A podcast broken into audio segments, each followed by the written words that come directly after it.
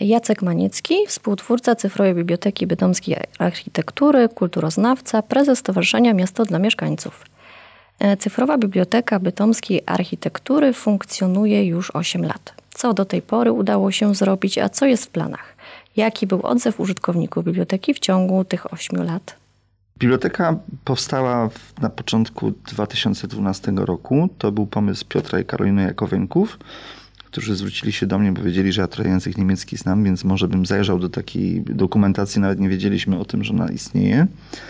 E, zacząłem to gdyby oglądać i okazało się, że co nieco rozumiem i y, wtedy poprosiliśmy e, pana Marka Wojcika, żeby nas wspomógł w naszych działaniach. Marek to jest e, legenda, jeśli chodzi o wiedzę dotyczącą Bytomia, regionu, w ogóle historii i, i sztuki. I wspólnymi siłami udało nam się opracować historię 50 wybranych przez nas dosyć arbitralnie budynków. E, w następnym roku udało się ten projekt przedłużyć. To było 75 kolejnych kamienic. Pierwotny odzew był dosyć fajny, bo mieliśmy taki licznik włączony na naszej stronie, jak uruchomiliśmy naszą stronę. No to w pierwszym miesiącu wyszło na naszą stronę 10 tysięcy użytkowników, więc to było gigantyczne. Gigantyczny odzew.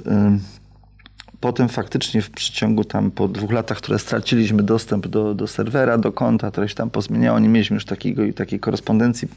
Natomiast y, no przede wszystkim życzenia były takie, życzenia były takie przede wszystkim, żeby sprawdzić jakąś tam kolejną kamienicę. Z miary możliwości odpowiadaliśmy na te życzenia i tam sprawdzaliśmy już potem trochę tak bardziej prywatnie na zasadzie dobrze, to pójdziemy i zrobimy tam przegląd, co tam się wydarzyło.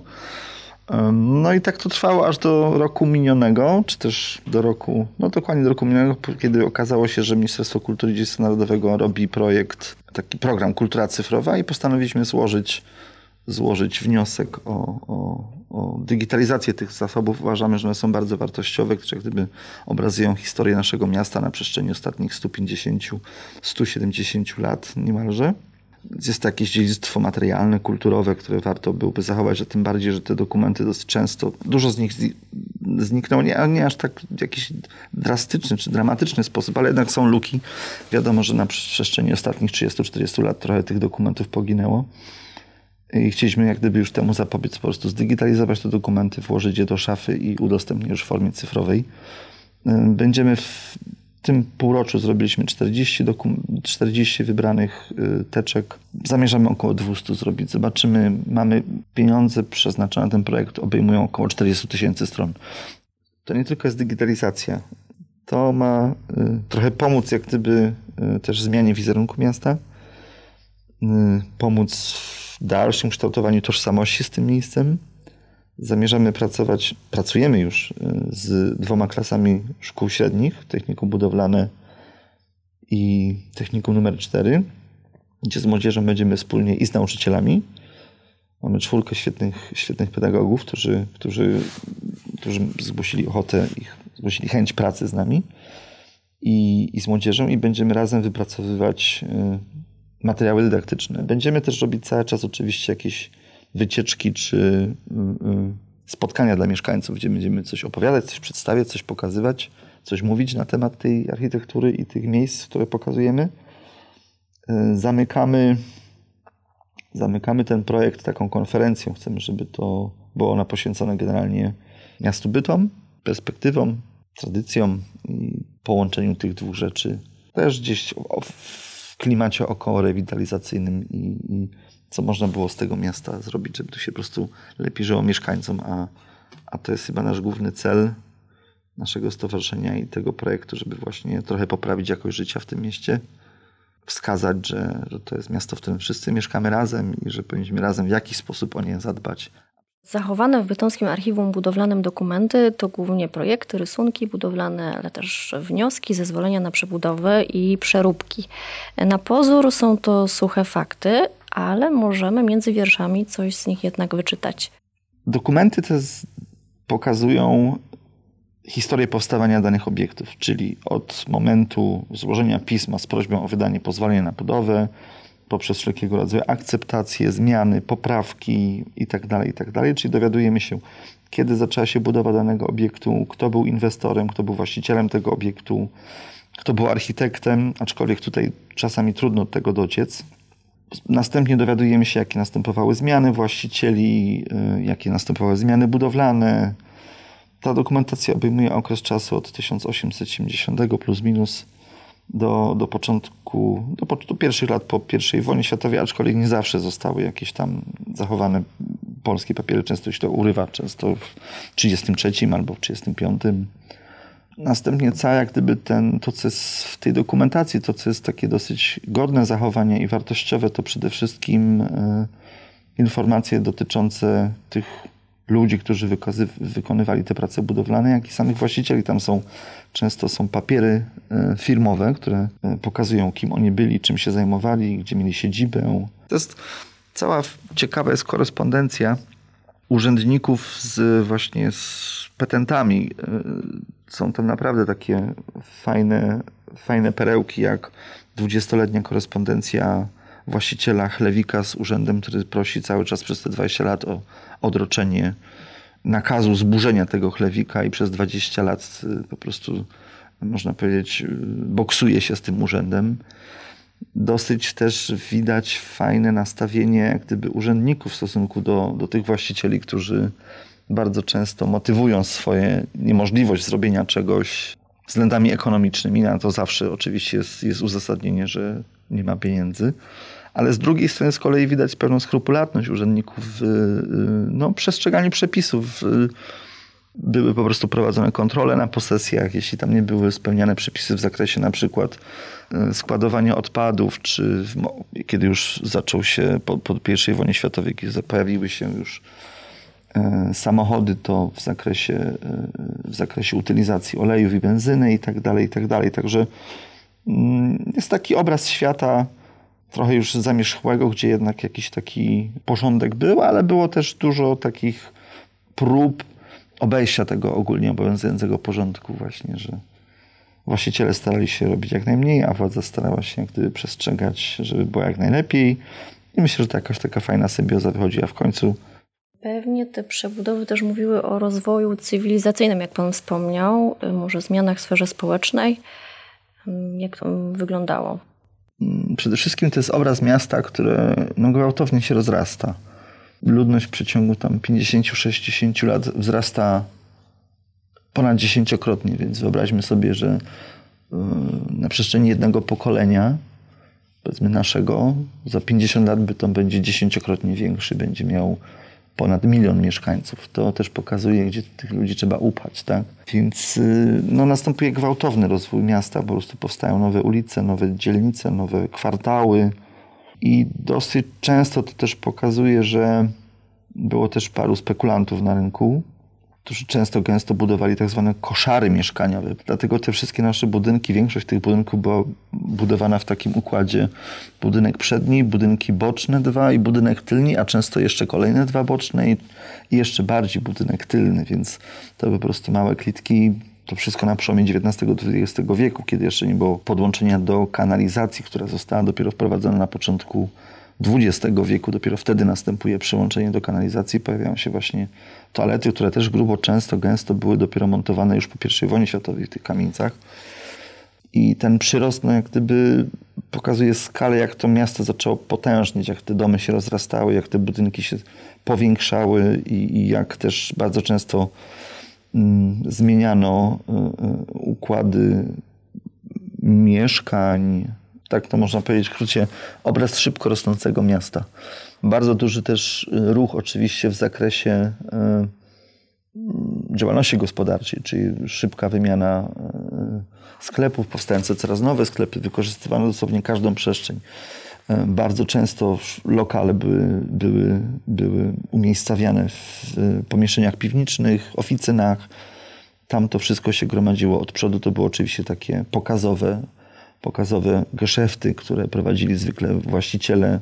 Ta kamienica wyglądała mniej więcej właśnie w ten sposób, że mieszkał tam właściciel, który na dole e, miał swój lokal, tudzież wynajmował go, albo z tyłu miał swoją jakąś fabryczkę, czy to, czy to, był, e, czy to był rzeźnik, czy to był piekarz. To też pokazuje, że rzemieślnicy, rzemieślników było stać na to, żeby po prostu postawić swoją kamienicę i, i wynajmować mieszkania, a dwa, bardzo często też ludzie traktowali inwestycje w te budowle jako, jako po prostu inwestycja biznesowa. Tak?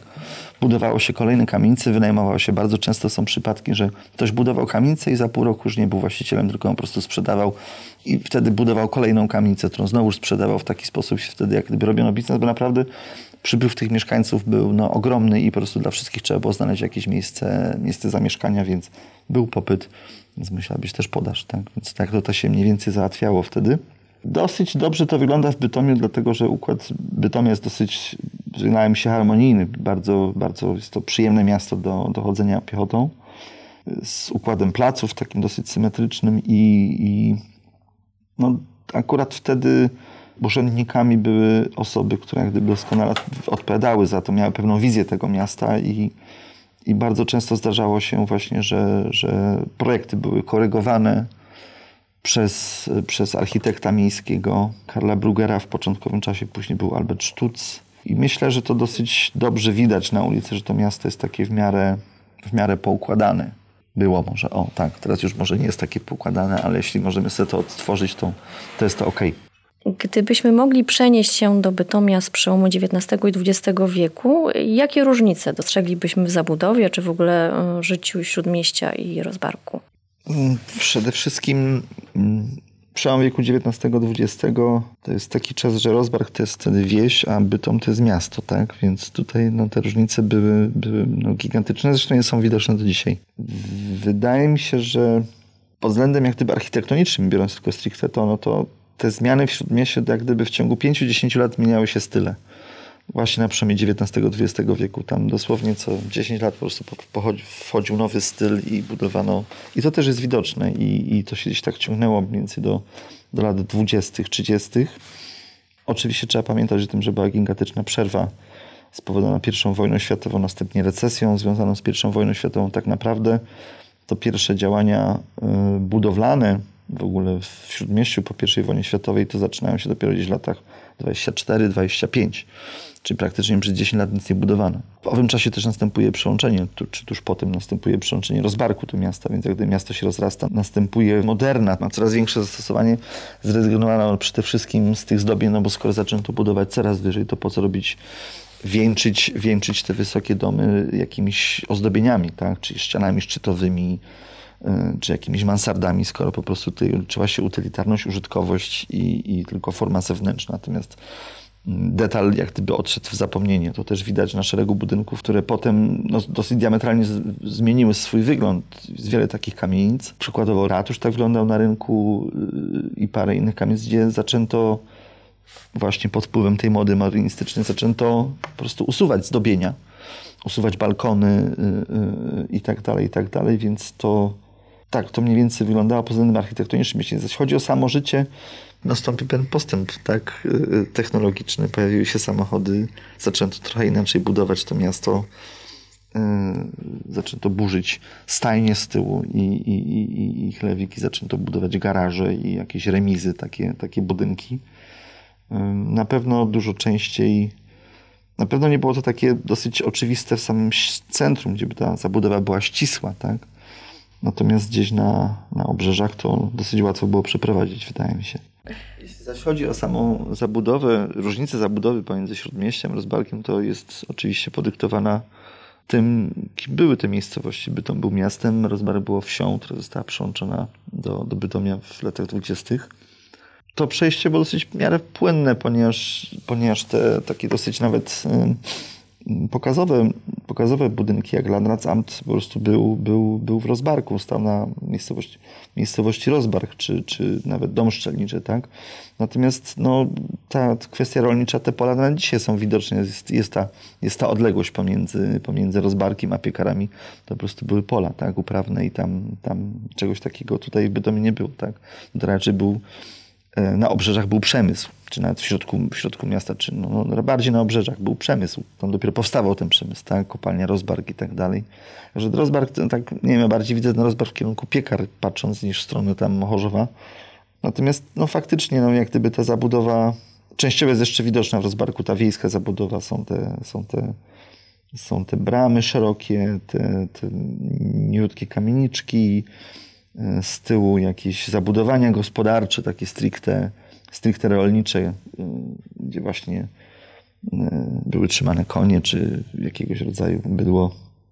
O, w Bytomie tego po prostu oczywiście w centrum tego nie było. Jak już to ewentualnie na podwórko hodowano kury, to wiem, bo tam były te, te jakieś... To, to, to było dosyć jeszcze tam gdzieś e, w miarę, w miarę popularne. Natomiast e, na Rozbarku też powstały jakieś kamienice, tam też na przełomie wieków, to nie było to jakieś, to nie była jakaś biedna wieś, tam były też kamienice czynszowe i tak dalej, natomiast był ratusz, natomiast e, no jak gdyby, no to by to miał taki zamierzenie wielkomiejskie, tak?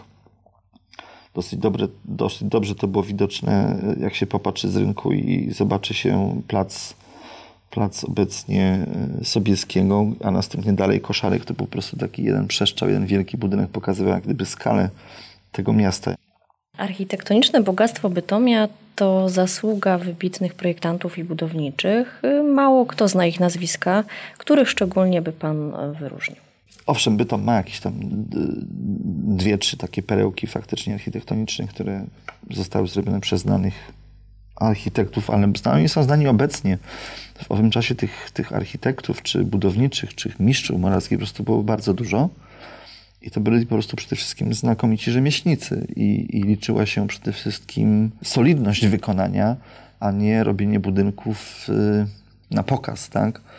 Mieszkamy tutaj, czy, czy mieszkali, byliśmy na Śląsku, czy to niemieckim, to jednak dosyć zachowawcze społeczeństwo. Tutaj też nie było takich ciągot, żeby jak gdyby wyróżniać się szczególnie, nie było jak żadnych fajerwerków architektonicznych. Po prostu co liczyło się to, to użytkowość, solidność i, i długotrwałość, tak? tych, tych rozwiązań e, ciekawych, to co my uważamy ciekawe, to co jest ciekawe w Bytomiu, jeśli chodzi o tych architektów. Tak powiedziałem, także wtedy nie było tak zwanych gwiazd e, branży architektonicznej, po prostu solidni, solidni, solidni ludzie, solidni rzemieślnicy.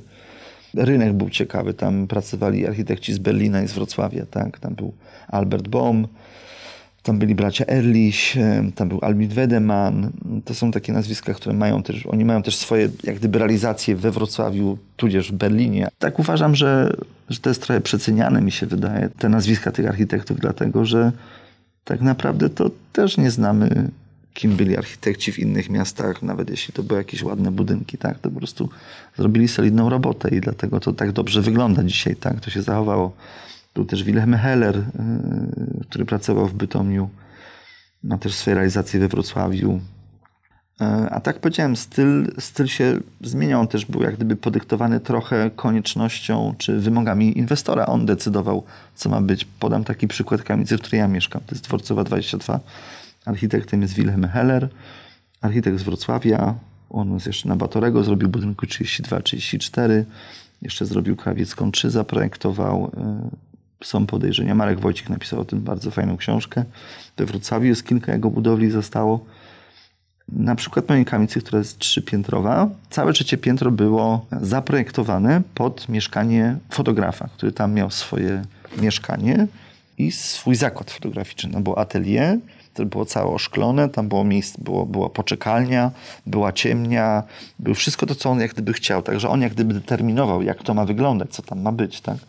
I myślę, że w wielu przypadkach tak, w większości przypadków tak było w Bytomiu, że, że to właściciele jak gdyby trochę podpowiadali, co oni chcą, tak? Jeśli ktoś był bardziej y, świadomy pewnych trendów, to oczywiście mógł sobie zażyczyć, że chciałby mieć budynek w stylu na przykład y, malowniczego historyzmu, tak? Albo, albo, albo właśnie z elementami secesji. Tylko ta secesja bytomska jest też, tak można powiedzieć, trochę taka ograniczona jest, ma swój urok niewątpliwy, natomiast jest taka dosyć, e, no nie jest tak wybujała jak w innych miastach secesyjnych, jak w Wiedniu, czy w Hadze, czy, czy w kilku takich miastach, które zasłynęły jako Praga, czy które zasłynęły z secesyjnych budowli, czy Budapeszt. Tak? Ona jest taka dosyć, można powiedzieć, skromna secesja, tak? ale, ale wygląda bardzo malowniczo tak? na, na tle naszego miasta i Myślę, że tutaj bardziej też jak gdyby pewnego rodzaju moda dyktowała w danym momencie, jak właśnie budynek będzie wyglądał. Jego użytkowość z przejazdem, czy też bez przejazdu, czy z tyłu będzie fabryczka, czy nie będzie fabryczki. Także to, to, to wszystko było determinowało chyba. Czy też właśnie, że budujemy budynek na zasadzie wynajmujemy go szybko i sprzedajemy, inwestujemy w kolejny budynek na mieszkania. Także to wszystko są takie determinanty gdzie ten architekt chyba nie za bardzo jest taką osobą. To nie... były, wprawdzie, były, były organizowane konkursy.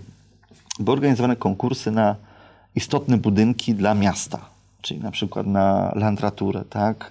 czy, czy na muzeum. Tak? To, to były konkursy i tu faktycznie startowali dobrzy, dobrzy, dobrzy architekci. Także tutaj, y, co też ciekawe, nie zawsze ci, którzy wygrywali, otrzymywali, otrzymywali wtedy zlecenie. Tak? To też było, było dosyć, dosyć, y, dosyć dziwne, ale takie były zwyczaje, że być może coś w jakimś momencie kogoś ujęło bardziej komisję. Także tutaj te budynki jak Bytomska Opera, jak muzeum, jak, jak Landratura, to są budynki faktycznie poczta, tak, którym możemy się, możemy się szczycić. To jest dobra architektura z dobrych, dobrych, znanych architektów. Natomiast, tak powiedziałem, to jeśli chodzi o to budowle, budowle mieszkaniowe, to tam raczej tak znowu wielkich pereł nie mamy. Ale dosyć malownicze powstały i myślę, że ten Bytom ma tą taką jakąś jeszcze zachowaną malowniczość e, architektoniczną. Jest dos, na porównaniu do innych miast naprawdę wyglądamy bardzo, bardzo dobrze.